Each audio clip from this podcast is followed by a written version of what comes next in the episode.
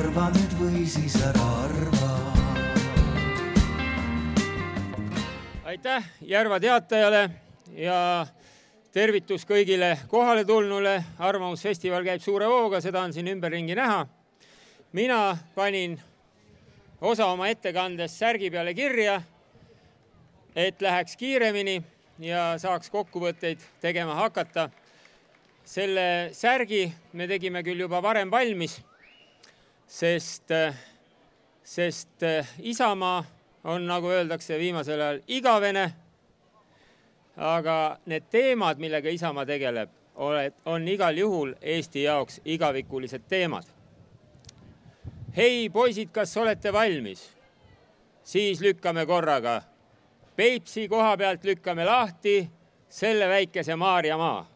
vaat selline Johansonide laul tekitas mulle vaimustust tuhande üheksasaja kaheksakümne kaheksandal aastal ja kui me korraldasime Eesti Muinsuskaitse Seltsi noorte toimkondi, siis ma lasin selle siia särgi peale panna.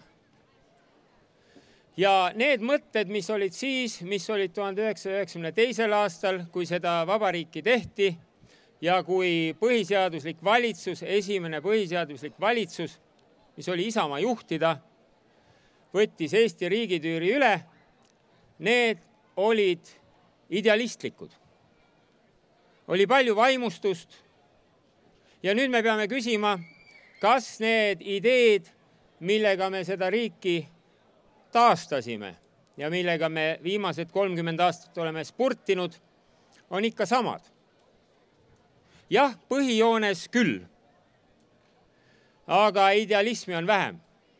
Eestis valitseb idealismi defitsiit. ja mitte ainult Eestis, võib-olla ka laiemalt.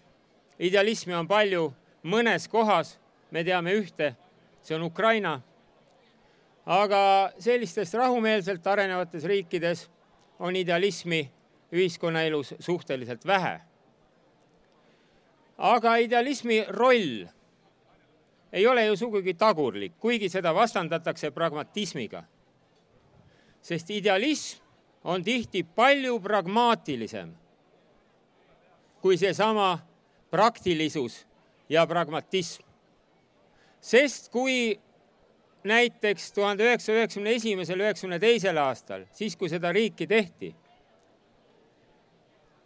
kui siis oleks tehtud selle pragmaatikute idee järgi, et kuulutame välja uue riigi ja hakkame uuesti asju ajama, aga valiti idealistide tee õigusliku järjepidevuse alusel. ja see tõi palju rohkem kasu, kui see teine viis oleks toonud, sest idealismi õigusliku järjepidevuse alusel riiki taastades saime me teha omandireformi, saime me saatkonnad tagasi ja Eesti sai oma rikkustest suure osa tagasi. see oli palju kasulikum kaup. kui me tuleme selle ideega edasi, siis vaatame ajas. idealistidel on tuleviku oma vaade. üks vaade, mille eest Isamaa seisab, on, et Eesti rahvus keel ja kultuur jäävad üle aegade. see on põhiseaduses kirjas, siin ei ole midagi kummalist, kuigi ka siin võib vaielda, et mis see igavikuline perspektiiv on ja kas rahvusriikidel on tulevikku. meie seisukoht on, et kindlasti on, sest üks rahulolev rahvas oma riigis on avatud. riigi ja rahva enesetundes määravad kolm suurt tunnet rolli. see on turvatunne, see on vastutustunne ja see on õnnetunne. Kui turvatundes me võime öelda, et me oleme ise kindlad oma riigi ja rahva püsimises, siis kandub see tegelikult iga üksiku isikuni. siis me oleme lahkemad, avatumad ja siis ka meie külalised, ka võõrad, kes siia tulevad esialgu, nad näevad meid, et me austame nende keelt, juhul kui nemad austavad meie keelt. see on vastastikune austus ja võib tunduda, et see on idealistlik, aga ma usun, et Eesti rahvas ei saagi midagi, midagi teistmoodi endale ette kujutada, sest me oleme avatud maailmas. me peame oskama teisi keeli, aga siin on eesti keel kõige olulisem, see on rahvastevahelise suhtluse keel Eestis ja seega eesti keele positsioon on väga tähtis just siin Eestis. Meil on kõigil vastutus selle üle, et see turvatunne saaks tekkida, et see püsiks. Ja vastutus tõepoolest kasutada oma keelt, kasutada seda kõigil võimalikel juhtudel ja õpetada seda keelt ka teistele ja mitte taanduda ja öelda alaväärsuskompleksist, et meie maast madalam et loomulikult me läheme teiste keelte peale üle ja saame aru, et äh, maailmas oskab vene keelt, inglise keelt ja teisi keeli rohkem inimesi. jah, muidugi, aga Eestis on eesti keele roll ikkagi peamine. keel peab uuenema ja kui me räägime konservatiivsusest, Isamaa on konservatiivne erakond, siis konservatiiv soovib, et äh, minevikust võetakse kaasa kõik hea, et see säiliks. Ta on alalhoidlik, aga tark konservatiiv teab, et sa saad mingit eh, olukorda säilitada või seda head kaasa võtta ikkagi ainult juhul, kui sa arened, kui sul on ka majanduslikud, tehnoloogilised, sotsiaalsed suhted, mis ajas arenevad. tark konservatiiv ei lase oma riiki hallitama. Tark konservatiiv annab sellele õhku peale. ja kui seda õhku on piisavalt, siis tekib õnnetunne.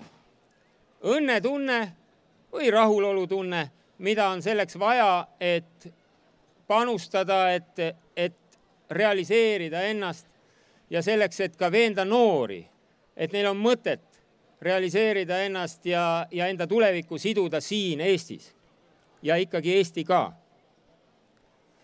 See rahulolev, julge, väärikas vaade ei eita teistsuguseid. aga ta on uhke ka oma saavutuste, oma mineviku ja tuleviku üle. Eesti keel on haruldane keel. Eesti keeles ei ole tulevikku ja see on naljahambaid pannud ütlema, et eesti keelel ei ole tulevikku. aga meie ütleme, et eesti keelel on tulevikku, sest me olemegi praegu ka olevikus ja tulevikus korraga. see keel, eesti keel on mõeldud, on tulevikku suunatud, nii nagu ka meie vaade ja pilk. Johannes Aavik, keeleuuendaja, ütles, et keeleuuenduse kurv on lõpmatu vaat selle lõpmatu keeleuuendusega me läheme edasi ja me ei karda ka murdekeeli, sest ma ütlen, ei ole isamaalisemaid inimesi kui kohapealsed eh, setud, võrokesed, hiidlased, saarlased, mulgid ja teised kihlased, kes armastavad oma kodu, need armastavad ka isamaad.